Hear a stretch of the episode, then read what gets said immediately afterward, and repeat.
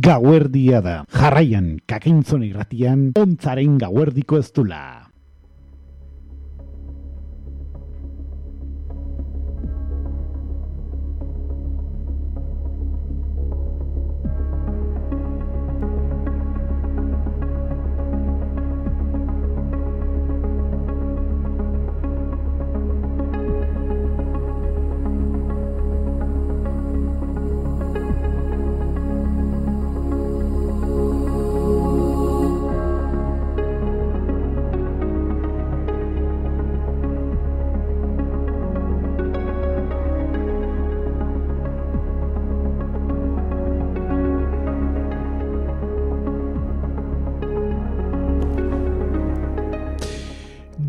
Entzuleo, kamabi etatik e, segundo eskas pasatzen diren honetan ematen diogu hasiera gure aste honetako ontzaren gauardiko estulari. Eta gaurko honetan zer, bueno, ba, gaurko gure izpide nagusia, gure ardaz nagusia umorea izango da, bai, bai. Denoi, gustatzen zaigu, paparreak, botatzea, denoi, umorea oso relatiboa da, ez? E, bat gustatzen zeion umorea, bestari ez gustatzen umore inteligentziazko umorea daukagu, umore abeltza, umore txuria, baita ere umore absurdoa ditzen den ere. Eta gaurko honetan entzongo ditugun kantu eta kontu guztiak umorean oinarretutako e, kontuak izango ditugu, eh?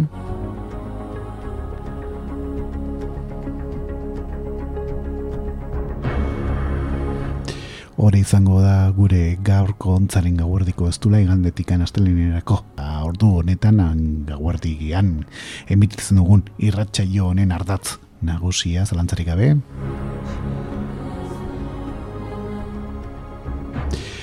Eta mabiak eta ia bi minutu ditugun honetan, ba, maten diogu hasiera gure gaurko tarte honi.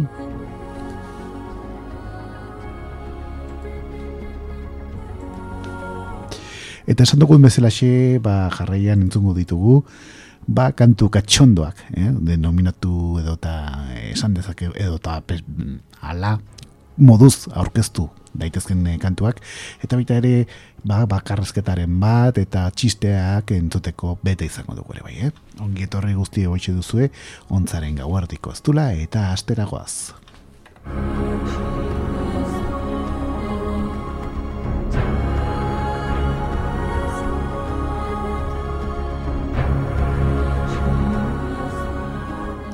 Amabiak eta ia lau minutu ditugun honetan eh, emango diogu hasiera gure tarte honi. Haixe duzu, ontzaren gauardiko ez gabon guzti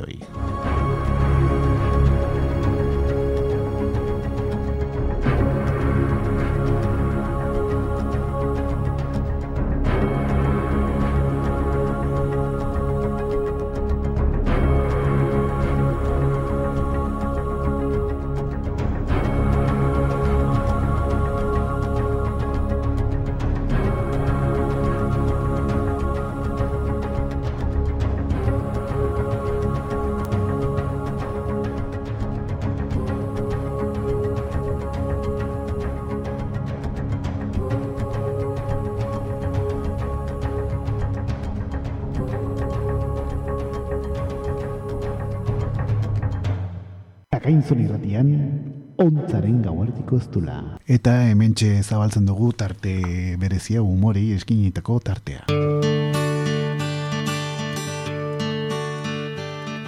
And there's no fry On the calling great Chicago moon Baby Benny Charlie Humorezko kantuen tartearekin azteko ba bere garaian el príncipe gitano ondiak egin zuen, bueno, bertxio sui generis oietariko batekin hasiko dugu. Elvis Presleyren indegeto izaneko kantua. Saiatu zen e, bertxuneatzen bere burgoseko inglesarekin. Egil grobion que lo que yo a mí eta erabaki dugu kantu ba, ba, nahiko berezi eta su honekin ba, gure tarte berezi hau zabaltzea eh? Guede vuelte Ande huelgen heikiliti bugui reni bus striti guai Eta lerik eta behin mantzungo dugun eh, kantuak, zeren gaur entzungo ditugun kantuak denak lotuta, edo eta lotura handia daukate eh, ba, gaurko gai nagusiarekin, alegia humorerekin. Eta lehenik eta behin hasi gara, Zaragoza atletikan datorkigun Los Gandules taldearekin. Eta beraiek zitu dute, bueno, bakantu ezagunek hartu eta eletra era bat aldatu eta beraien eh, ba, humorezko toke hori eman ba denok ezagutzen ditugun kantu hoiei. Baita ere Bilboko ba e, Reno Renardo izeneko taldearen kantu batzuk entzuteko tartean izango dugu. Taleo ere bai, ba, modus operandi berdina daukate, alegia kantu ezagunak hartu eta letra bat aldatu eta ba, beraie jartu duten humorezko batoke hoiekin eh, nasten dituzte eta aldatzen dituzte ba denok ezagutzen ditugun kantuak ere bai, eh?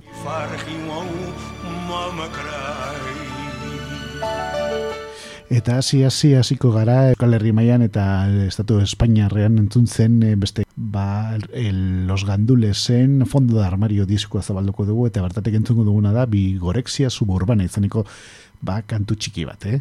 Sin correr no puedo estar Ejercicio sin correr no puedo estar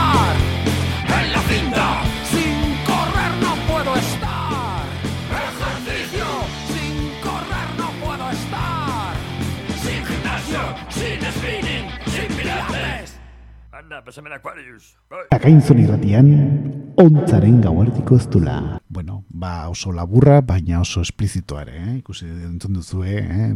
Raizidentesen sin bizio no puedo estar izaneko kantua hemen Euskal Herri mailan eta estatu mailan entzun zen eh, kantu ezagun horren, ba bersio, bitxi bat eh? izan eh, zuten, e, kasunetan los gandules, talde zaragozarrakoa, aragoi aldetikan datorkigun lagun pare bat ditugu eta beraiek ditu dituzten ba kasunetan e, entzun dugu eh? ba, bertxo dugu gogoratu gaurko honetan eta jadanik amabiak eta bederatzi minutu ditugu honetan ba hementxe jarraitzen dugula gure ontzaren gauardiko estulan eta kasunetan umoreari eskintzen nahi dugu gure gaurko saioa Eta, bueno, kantu katxondo gehiago entzuteko mm, beta izango dugu ondoren, eta ondoren entzungo dugun kantua bazen izango da, pan bimbo izirkonita izanekoa. Baitare los gandulesek, noches de bingo izaneko 2000 eta mazazpigarren urtean ekarri diguten diskatikan entzungo dugu, ba beste kantu labor bateri izango dugu ondoren.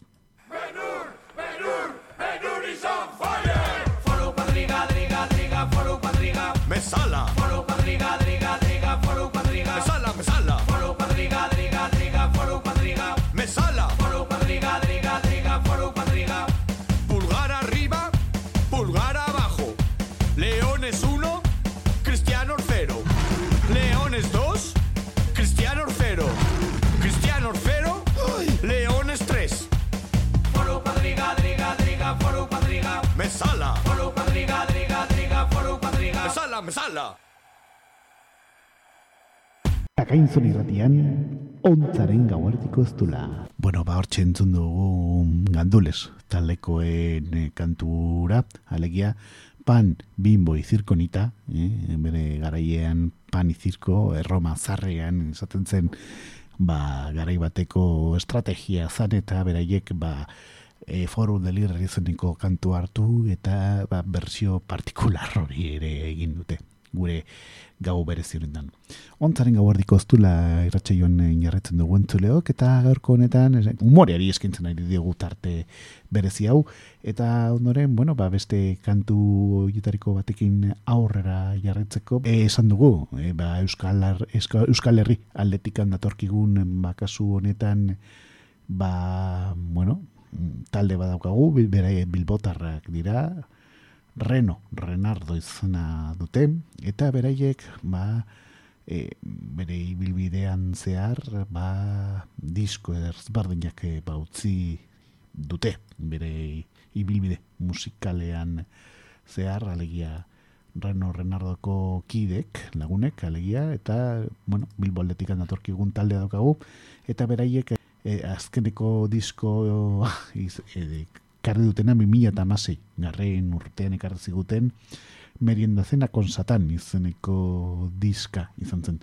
Baina gu kasu honetan, e, ba, bibila eta zortzi garren urtean ekarri ziguten, ba, Reno Renardo y el Reino de la Cagalera de Bisbal izeneko diskoa zabalduko dugu orain, eta entzungo dugun kantua, ba, kasu honetan, jarabe de palo izeneko talde kataluniarrak ekarri zigun bertsio bat entzungo dugu. Hori bai, arlez aurretik e, abisatu beharra daukagu, bakasu honetan bihar bada letra hau bateri edo besteri igual mm, pixkat e, ba letraen edukiera igual ez da, egokia edo ta batzuei igual txirri hau egingo diete ondoren entzuko duguna, baina guk kasunetan eh, bo, bomito, eh? bonito bere, bere garaian jarabe palo 2000 eta irugarren urtean ekarri zegoen kantua. Gogoratzuko dugu, baina kasunetan Reno Renardok buelta mantzion eta ba kantu mm, ba, bueno, pixkat ere nazka puntu txiki bat ere daukana ere egin zuten beraz ez gara, e, guk e, erantzule egiten e, jarraian entzungo ditugun e, ba, litre inguruan, hori bai, abisatzen dugu, ba, behar bada batzuei, e, ez zaiela igual grazia handirik egingo, ba, kantonen edukera, beda zentzun dezagun Reno Renardoren, bomito izeneko kantua.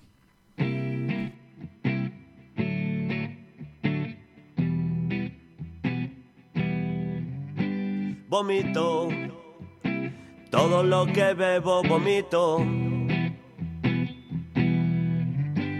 Vomito en la calle, vomito en el bar, vomito una almóndiga que está sin masticar, vomito del día, vomito in the night, vomito la priva el whisky, la sidra y la birra. Las tripas me suenan, esto es un embrollo. Me se escapa un eructo que huele a centollo. La bilis para arriba, la bilis para abajo. Joder, que acidez con sabor a ajo. Te sube un ardor por la canaleta. De tanto hijo puta que hay en este planeta. La vida es un chiste de barragán. Los dioses no existen, por eso yo digo vomito.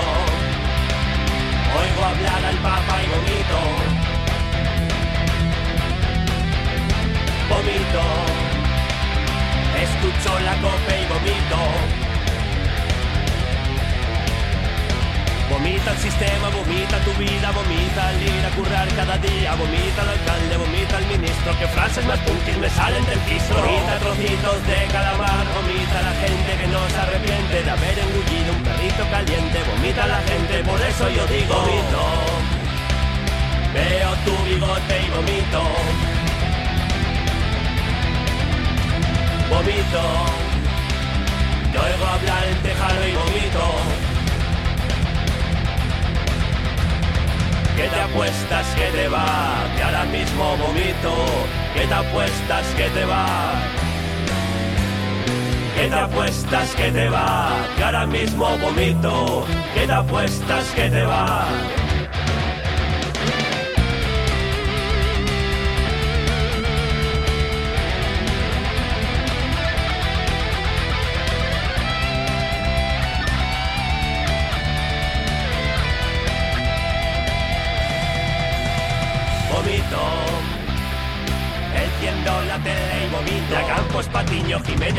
Santos, Anita Obregón y el loco del canto.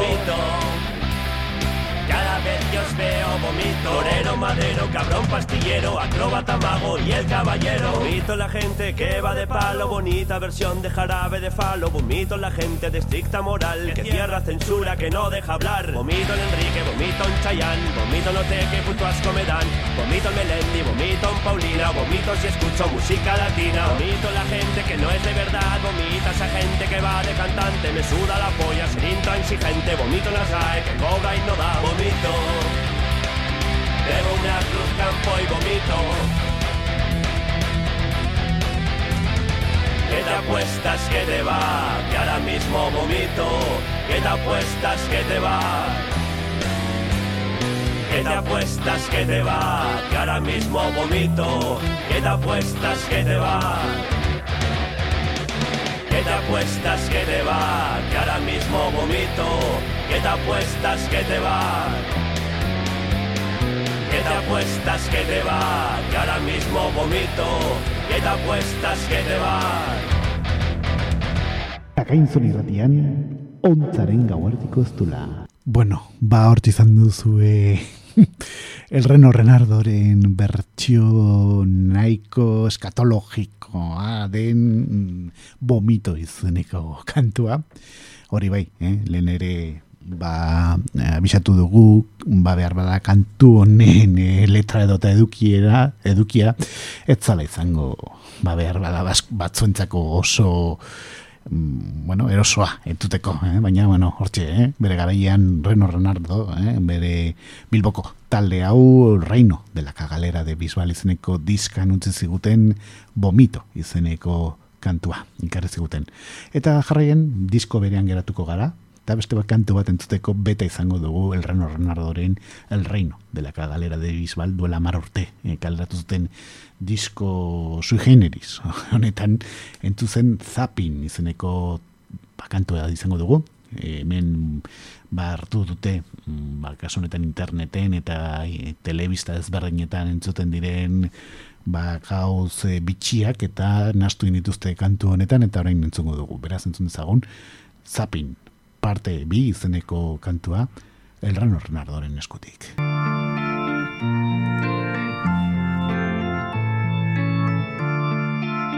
¿Qué, ¿Qué hago? Drogarme todo lo que puedo y ahora quiero echar un polvo porque llevo cinco años sin meterla.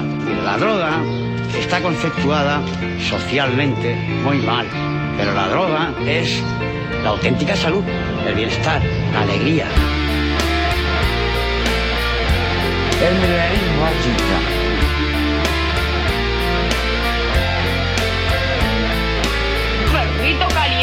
Que va a estar buenísimo. Oye, no penséis mal, ¿eh? es un bocadillo de salchicha.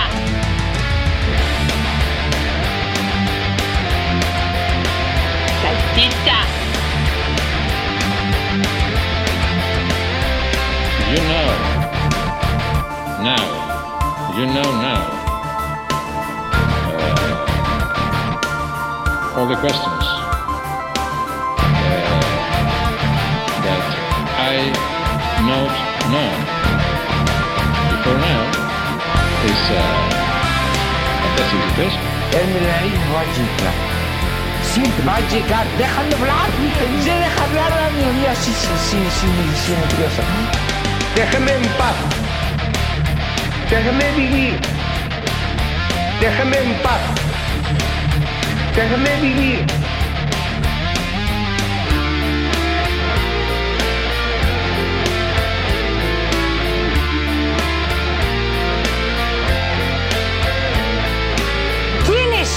para deciros a vosotros si eres una guarra, si eres una puta o si eres lo que eres. ¿Pero esto qué es, señores y señoras? Bueno, pero, ¿pero esto qué es?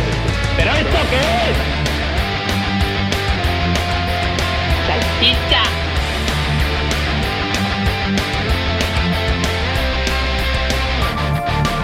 Y hemos uh, dedicado tiempo ayer por la noche y esta mañana a trabajar en ello exactamente. Lealtad, solidaridad humildad. Sí, la verdad es que uso mucho la Z.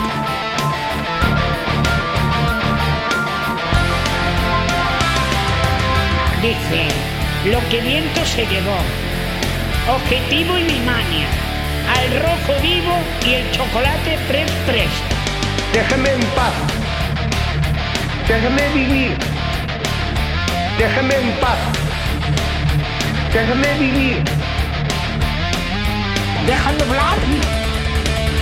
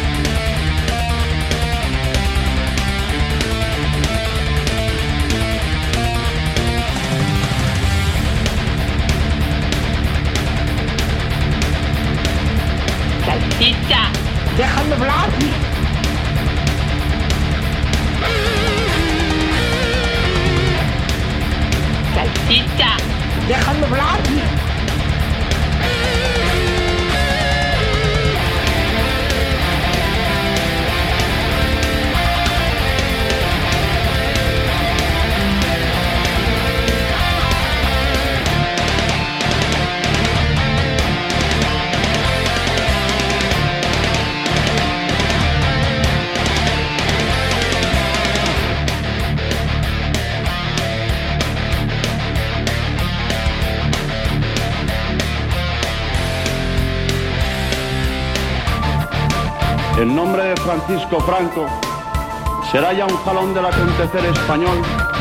Que sois unos hijos de puta. Quiero recordar la figura de quien durante tantos años asumió la pesada responsabilidad de conducir la gobernación del Estado. La habilidad que tengo, que es la de absorción de litro y medio de agua de un solo golpe por vía anal, esto lo hace muy poca gente. Déjeme en paz. Déjeme vivir. Déjeme en paz. Déjeme vivir. Déjeme en paz. Déjeme vivir. Déjeme en paz. Déjeme vivir. Akainzun irratian, ontzaren gauartiko ez dula. Bueno, ba, hortxe entzun dugu zapin izeneko kantu hau, ba, telebista ezberdinetatik atera dituzten ba, esaldi eta zatirik, bueno, ba, estrambotikoenak entzuteko beta izan dugu azken minutu hauetan gure ontzaren gauartiko ez dulan, Eta jarraian, ba, mabiak eta baita bi, minutu ditugun honetan, aurrera jarraituko dugu gure gaurko umoreari eskintzen ari dugun tarte berezi honekin. Eta berriro ere, Los Gandules, talde Zaragozarrarekin aurrera e, eta e, voltatuko gara. Eta beraiek, ba, ekarri ziguten, mañanas de petanka, 2000 eta garren urtean izaneko diskoa zabalduko dugu orain eta zer eta diguten kantu honetan ba, beste beste cosas que hacer en Islandia izeneko tituloa du eta ba jarraian entzungo dugun kantu entzungo du izango da beraz entzungo dugun los gandules taldekoen mañanas de petanca izeneko diskotikan cosas que hacer en Islandia. ¿Qué estará haciendo Björk? Habrá corrido y ahora tendrá flato. O estará chuflando fuerte un silbato. O subida a un poste vestida de pato.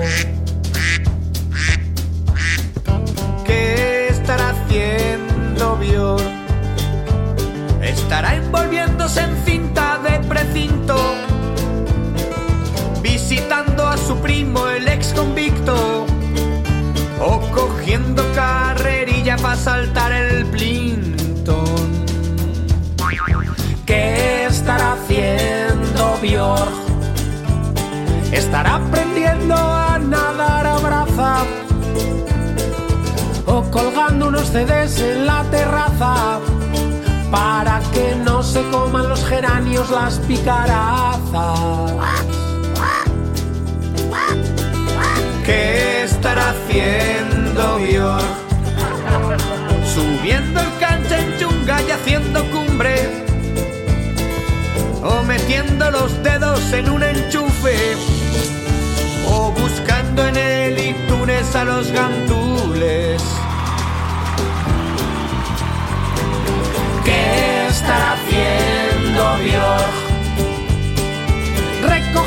Suelo un aguacate, lanzarlo al aire y darle con un bate y repetir todo el proceso con un tomate. ¿Qué estará haciendo Björk? Haciendo los deberes con su hijo el ceporro o bebiendo de una litrona morro dejándose el pelo largo por detrás en plan calorro.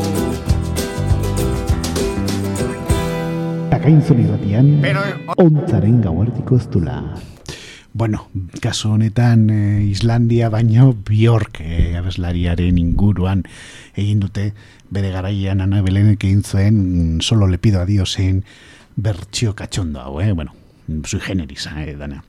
Eta los gandulesekin eh, jarraituko dugu horrea, eta beraiek eh, 2002 garren urtean Symbolos Stars beraien lehen diska ekarri ziguten eta bertatik entzungo dugun beste kantua da bueno, bere garaian ba, larogei garren amarkadan e, ezaguna egin zen guaias guaias izeneko kantua bere garaian larogeita zazpi larogeita zortzi garren urtean entzun zen desirelez izeneko bakarlariaren kantua hartu dute eta kasu honetan baia bitxi batzuen inguruan hitz egingo digute. Beraz entzuten zagun los gandules talekoen baias, baias.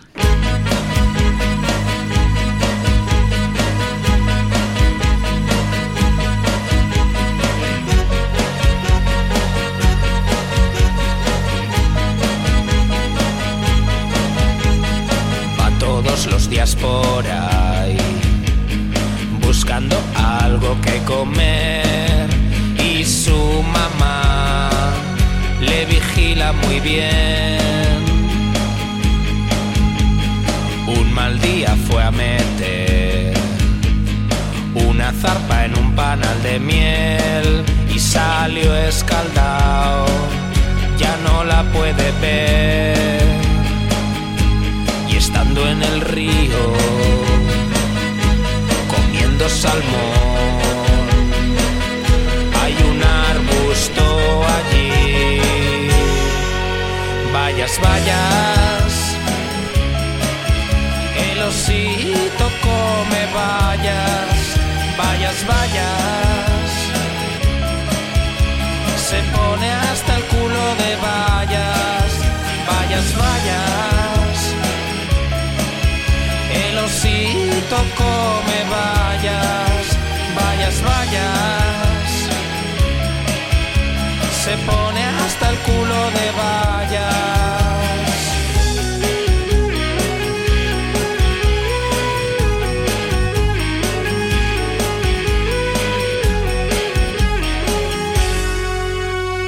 Dobla unas ramas con mamá. Se rasca en el tronco de un abedul. Es un buen oso, es un poco gandul. Parece que empieza a refrescar. Busca un sitio para hibernar. Aquella cueva es un remanso de paz. Pero antes de dormir, no lo puede resistir de allí. Vallas, vallas, el osito come vallas, vallas, se pone a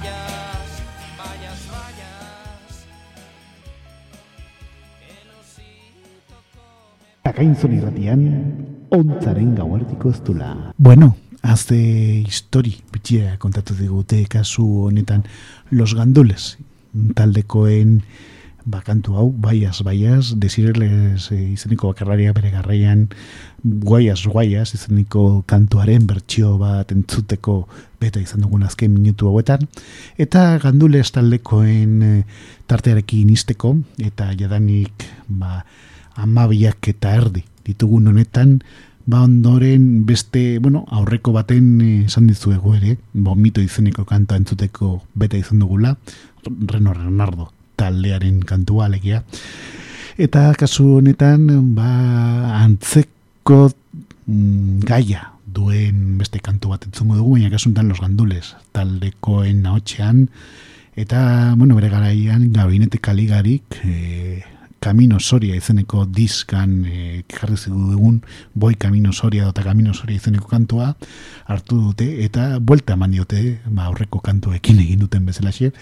Eta jarraian entzungo duguna da eta barkatuko diguzue zergatik e, barkamen eskatzen dugu horrez aurretik eta barkatuko diguzue izenagatikan baina hala deitzen da e potauen la noria izeneko kantu entzongo dugu jarraian. Beraz entzun zagun los gandulesen símbolo star diskotikan e potauen la noria.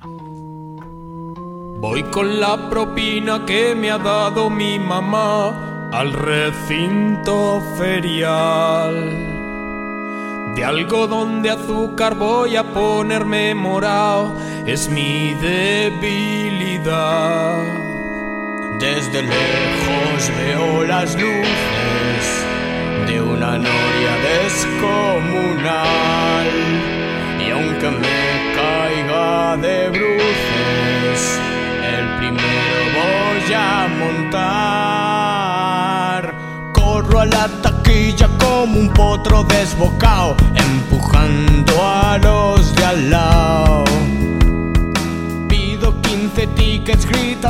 como un mandril, me empiezo a divertir. Esto ha empezado a dar vueltas, que mal me empiezo a sentir. Desencajada mi jeta,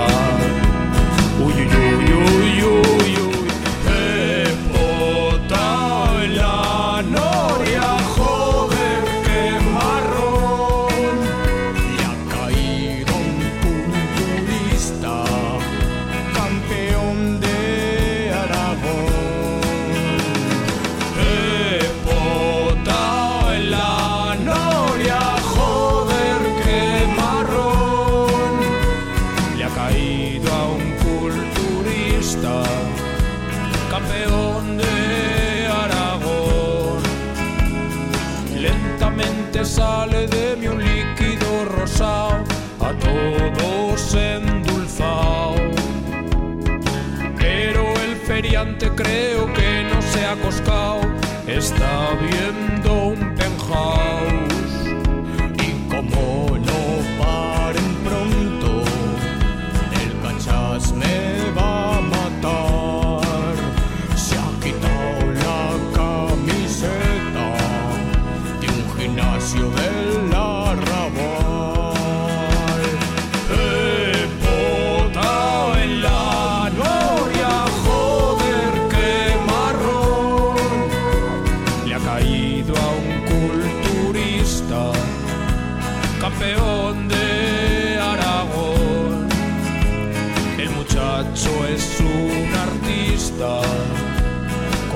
Pesas el mejor.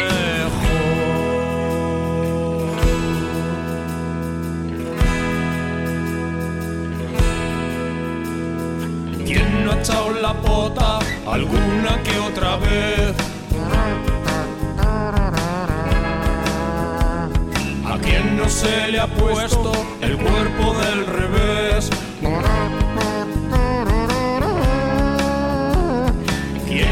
Ha sentido alguna vez desfallecer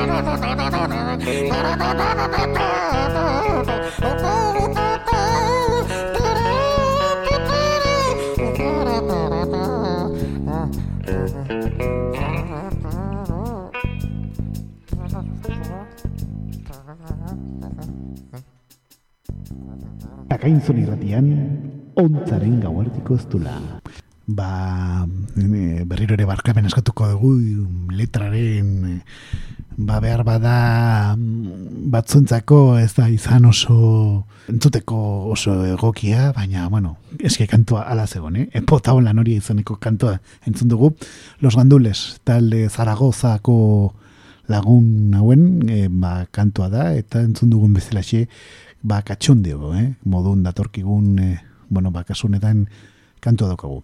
Eta horrein bigarren zati bat zabalduko dugu, gure ontzaren gauardiko ez dula izeneko irratxe honetan, amaik biak eta hogeita masei minutu ditugu honetan, eta jarraian, ba, bakarrizketaren tarteak zabalduko ditugu gure tarte berezionetan.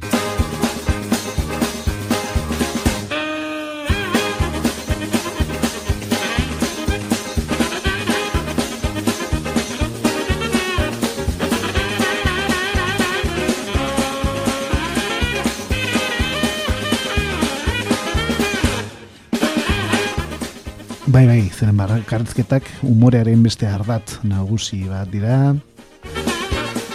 Eta kasu honetan Euskaraz egin niko bakarrizketa bat entzuteko beta izango dugu, eh?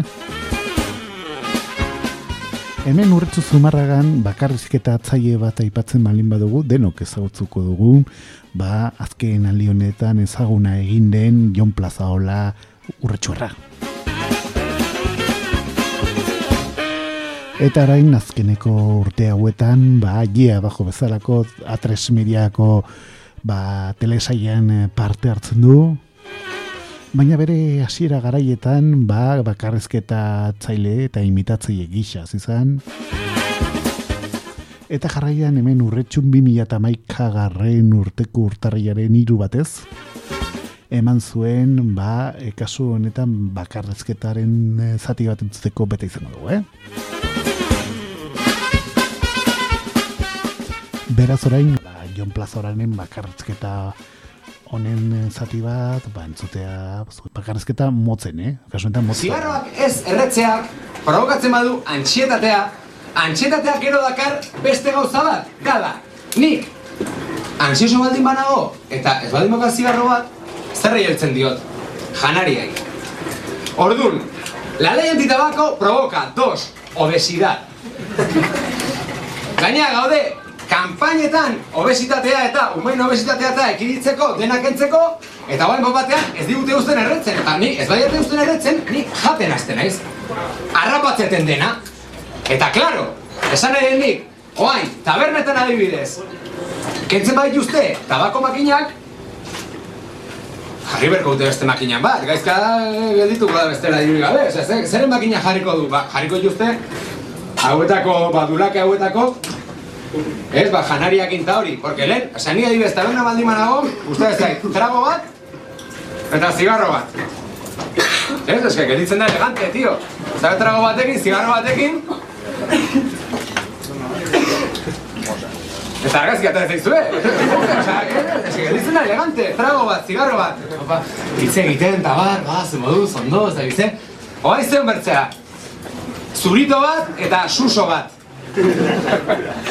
Zurito bat eta palmera pastelera bat, no, ez da berdina. Hemen denok da bena nahi, venga, bolleria y zurito, eh. Pustitze. En Europa no se puede fumar, aquí tampoco. Alemanian esate dute, guau, atea dute sistema bat alemanek dala. Emezortzi ordu eoten zea lanen, sábados, domingos, fiestas de guardar, horas extra, todo, no sé qué, sin, sin paga esta, el otro, y mola. ¡Venga! ¡Dale! Alemanes que se dute, venga. Han dicho, ¿cómo me está jodiendo? Eh? Pero venga, Hitler, da igual. No. la extraña habilidad de copiar todo lo malo que viene de Europa. Todo lo malo solo. No podíamos copiar las suecas, por ejemplo. O los suecos, para los que quieren, pero con los suecos no ibas a mejorar los presentes. ¡No, tío! Francés de mierda, o sea. Itxai dizute denok, zan, lepoan gainetikan. Oh, zio, tratatzen gaituzte, gu, izango bagina, jo que sé, españolak, edo, edo portuguesak, edo, algo malo. Hombre, egia da, egia da gu euskaldunok gehala, gehala oso gureak, ez? Osa, ni, zer nik hauten esaten ni, ni oso euskalduna naiz zelako, bale? Ni oso euskalduna naiz, ama daukat ezkiokoa, aita daukat urretxukoa, Jon Plazaola Larrañaga Zubizareta Manterola Gurruchaga Bereciartúa Zendoya Zulaika Alberdi Mújica. Toma, hijo de inmigrantes. Hor, baina, claro, baina, ostra, askotan bai, jakin berdeu guk pixka bat, que gu hau denbora guztien gure zilbora ibeira euskaldunok. Eta jakin berdeu pixka bat bai, ba, bai, bai, ikusten zer daun kanpon, eta, e, e, eta hori dena, ez? Esan ez, bestela gu, denbora guztien erabiltza badeo adibidez, euskera. Ba, ba, nahi oso ondo irutzen da, itenok euskera egitea, baina que, ez baldin bak izkigu besten, besten hizkuntzak zostein berdegu. Ni hori Madrilen bizi naiz adibidez. Eta han joan, egun batean, eta esan oye, tu, horchata se escribe con H. Y me dice, pues claro, gilipollas. Si no se diría horcata.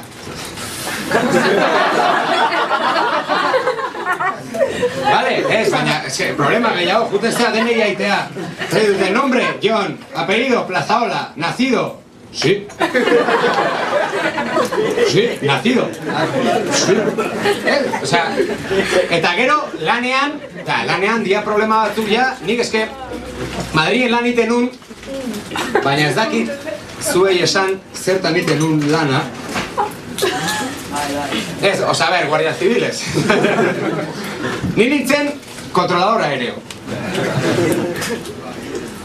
Zengo, eh, baina hor esan dituzte gezur asko. Ni adibidez, botaziaten txorra bateatik de controlador aéreo, mira. O sea, ni neonantxe, eta abiek esate eta ber.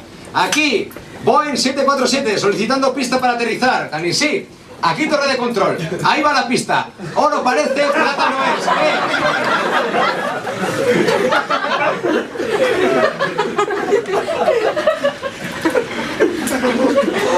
Ja, zen, una putada. Baina eske, Euskaldunok hori daukegu, tio, gea, gea oso esklusiboak. Nahi deu, gure jendea, ba, erlazionatzea, osea, Euskaldunak Euskaldunokin.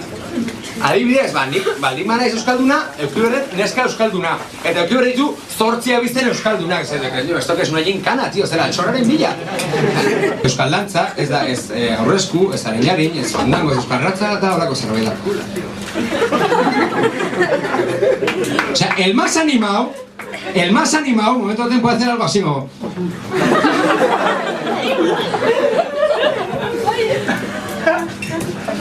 Hombre, dago, badaude, badago salbuespen bat. Lazkao, ataun... Lazkao, ataun, goierri aldeko jende horrek ja, hori da beste gauza bat. Eh, cuadrilla. Ah, no, estoy buscando mal, estoy buscando con K. C, cuadrilla. Cuadrilla. Grupos sosos y unisexuales vascos. Hori da kuadrilla bat. Baina, esanet, ataundarrak eta doazenen kuadrillan, se les nota. Ataundarrak eta eh, lazkaotarrak eta die beste raza bat. Osa, die denak, osa, motzen ez die sartzen. Calculo, die denak, como los Dalton. Pero el alto. O sea, que son todos unos tochos que tienen menos luces que una patera, ¿sabes? Sale, eta taberna sartzen badie, ataundarrak, o sea, ya...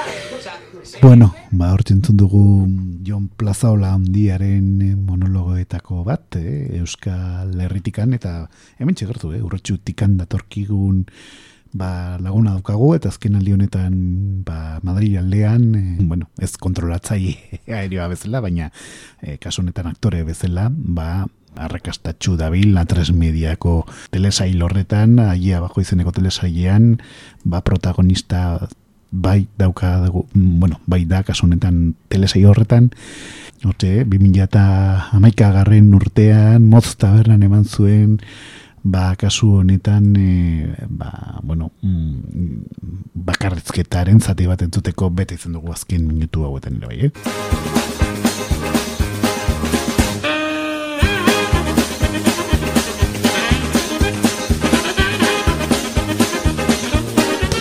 Eta amabiak eta berroita zein minutu ditugun honetan, ba, aurrera jarretuko dugu, umoreari eskintzen ez diogun tarte berezi honekin gure ontzaren gauerdeko ez honetan.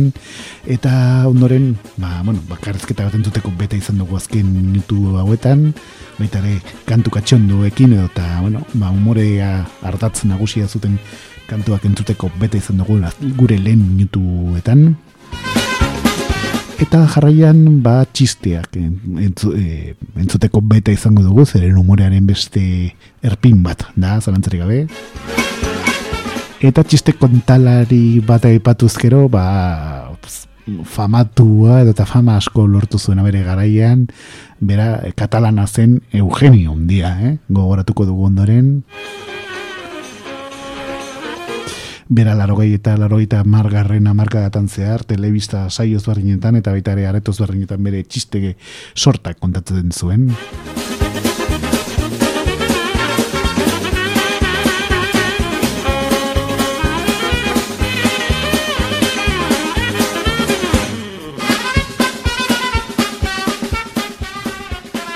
Bera Bartzelonan jaio zen mila bederatzirean da berrogeita bat garren urriaren amaika batez eta 2000 bat garren urteko martxoren amaika batez utzi gintuen berrogeita emeretzi urte zitula. Bere izen kompletua zan Eugenio Josa Bafalui eta bera bere emaztea izanarekin, kontxita alkaiderekin batera, ba musikako bikote bezala hasi ziren. Eta zoritxarrez e, mila bederatzen da garren urtean bere emaztea zana. Bazen duzen e, ba, kasu honetan e, minbizi baten ondorioz. Eta horren ondorioz ba bera bertziklatu egin zen eta musikalde bat erotzita ba txiste kontalari gisa ebe, eman zituen berazkeneko urteak.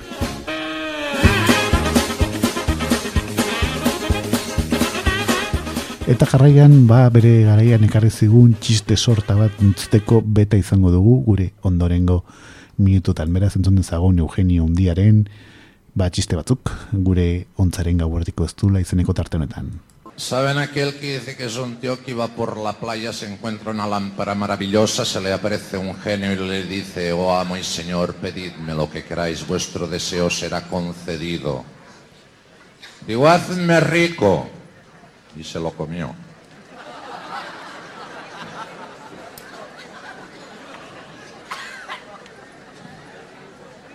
¿Saben aquel que dice que es un borracho que entra a un bar y dice feliz año nuevo? Digo, ¿cómo feliz año nuevo? Dice, estamos en un mes de agosto. Digo, ostras, qué bronca mi mujer, de nunca me había retrasado tanto.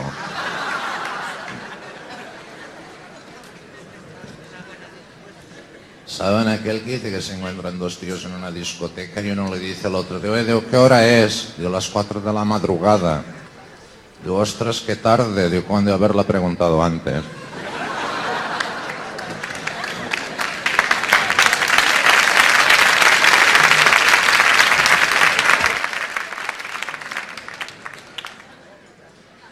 Dice que se encuentran dos amigos y uno le dice al otro, digo, ¿dónde vas con esta mujer tan fea? Y mire, de contado no despedirme de ella y darle un beso, la llevo donde sea.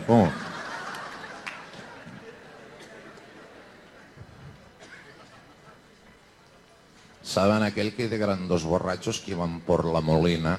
En eso que en un momento dado les cae una luz de nieve encima Empiezan a grapejar para subir a la superficie. En eso que a lo lejos aparece un San Bernardo con un barrilito de coñac colgado al cuello. Y le dice un borracho al otro, digo, mira, digo, por allí viene el mejor amigo del hombre. Digo, sí, viene con un perro.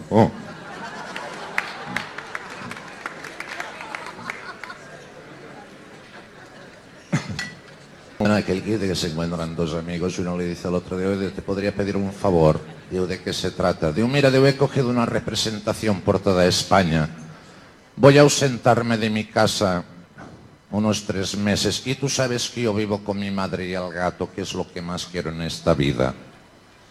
Digo, bueno, ¿y qué? Digo, no, digo, solo te pido que de vez en cuando les hagas una visita por cualquier cosa que les pudiera pasar. Yo te dejaré una relación de todos los hoteles donde voy a estar. Si les pasa cualquier cosa, pues me mandas un telegrama o me llamas por teléfono. Digo, tranquilo, digo, vete tranquilo que ya lo haré. El tío se va de viaje y estando en un hotel de Sevilla recibe un telegrama del amigo que decía, al gato lo atropelló un camión y lo mató. Inmediatamente llama por teléfono al amigo, digo, pero ¿cómo se te ocurre mandarme un telegrama en estos términos sabiendo cómo yo quería al gato? Digo, coño, no me dijiste que te avisara. Digo, sí, pero así no se dan las noticias. Digo, ¿y cómo se dan? Digo, tú tenías que haberme mandado un- primero un telegrama que dijera, el gato se subió a un árbol. Y me vas preparando poco a poco. A los tres días, otro telegrama que dijera, el gato se cayó del árbol y se lastimó una pata. Y al cabo de tres días más, el definitivo que dijera, el gato al caerse del árbol atropelló un camión y lo mató. Digo, mira chico, perdona, pero yo no sabía lo de los tres telegramas. Total, al cabo de un mes, estando el tío en La Coruña, recibe otro telegrama del amigo que decía, tu madre se subió a un ciruelo.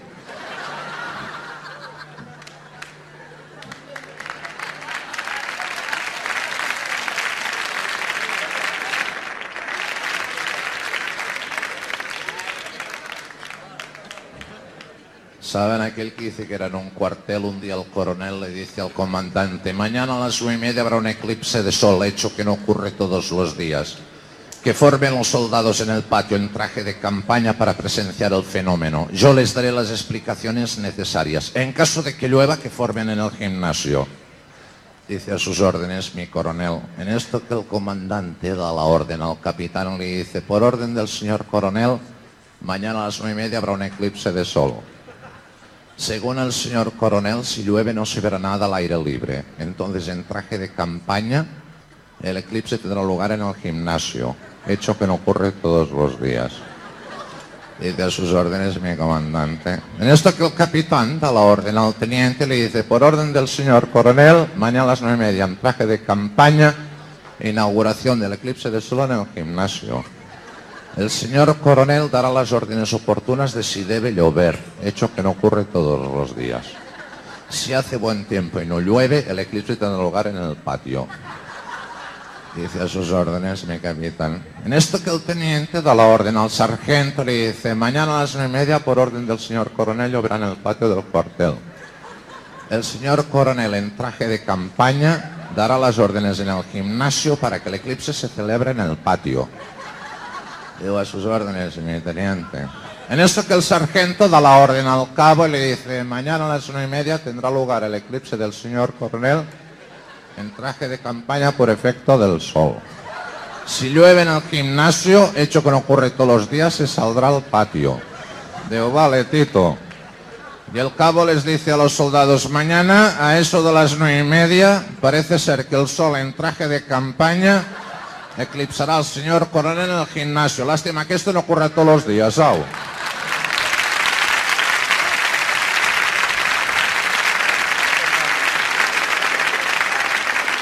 Eugenio. Enhorabuena. ¿Cómo tú por aquí? Dame un pató. Moltes gràcies. Moltes gràcies eh, també per amic Eugenio eta, bueno, entzun duzu, eh? entzun duzu hor eh, bueno, bere garaian ekarri zigun txiste sorta aura eta umorearen beste ardatz bat da zalantzari gabe bat txisten eh, bat artean, nola ez ba? Akainzun irratian, ontzaren gauartiko eztula. Hori da, ontzaren gauartiko eztulan jarretzen dugu, ordu batetarako iru minutu geratzen diren honetan, eta jadanik, bueno, ba, humorearen ba, ardatz batzuk ikusteko bete izan dugu gure gaurko irratsaio xume honetan, eta de, ba, denbora ere, amaitzen ari zaigu, ordu bete era, iristen ari gara pixkanaka pixkanaka ere, eta ah, amaitu aurretik, ba, barriro ere musika, eh, kantu gatxondoen tartearekin eh, voltatuko gara, eta entzongo dugun eh, kantua gaurko gure tarte hau ba, itxi baino lehen zen izango dan, bere garaian, kasu honetan berriro ere Reno Renardo izeneko talde bilbotarrarekin voltatuko gara, eta ba, em, dugun eh, kantua, bere garaian mibila eta bat garren urtean eh, Amstein izeneko taldekoak ekarri zuten du jast izeneko kantua hartu dute eta ba kasu honetan ba etxeko edo tatxi askotan dagoen, ba, animali baten inguruan hitz egin dute, hamster baten inguruan hitz egin dute, eta, bueno, mantzongo dugu kantu hau, tu hamster ezeneko kantua, ba, kasu honetan, e, Reno Renardoren hau txean.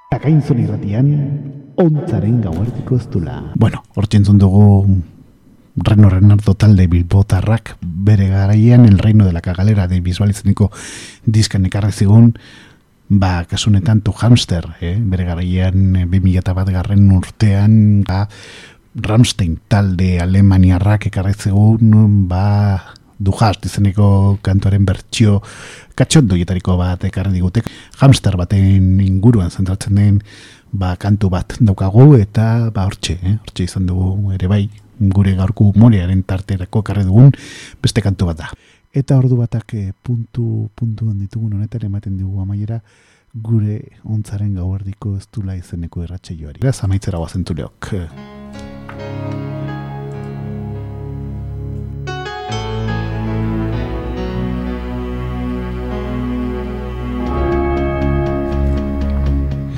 Gaurko guri irratsaioa umoriaren ardatzen nagusiei eskini dugu, bai txiste, bakartzketak, kantuak, e, kasunetan, kantu zauna, baina kasunetan humorezko baletreekin.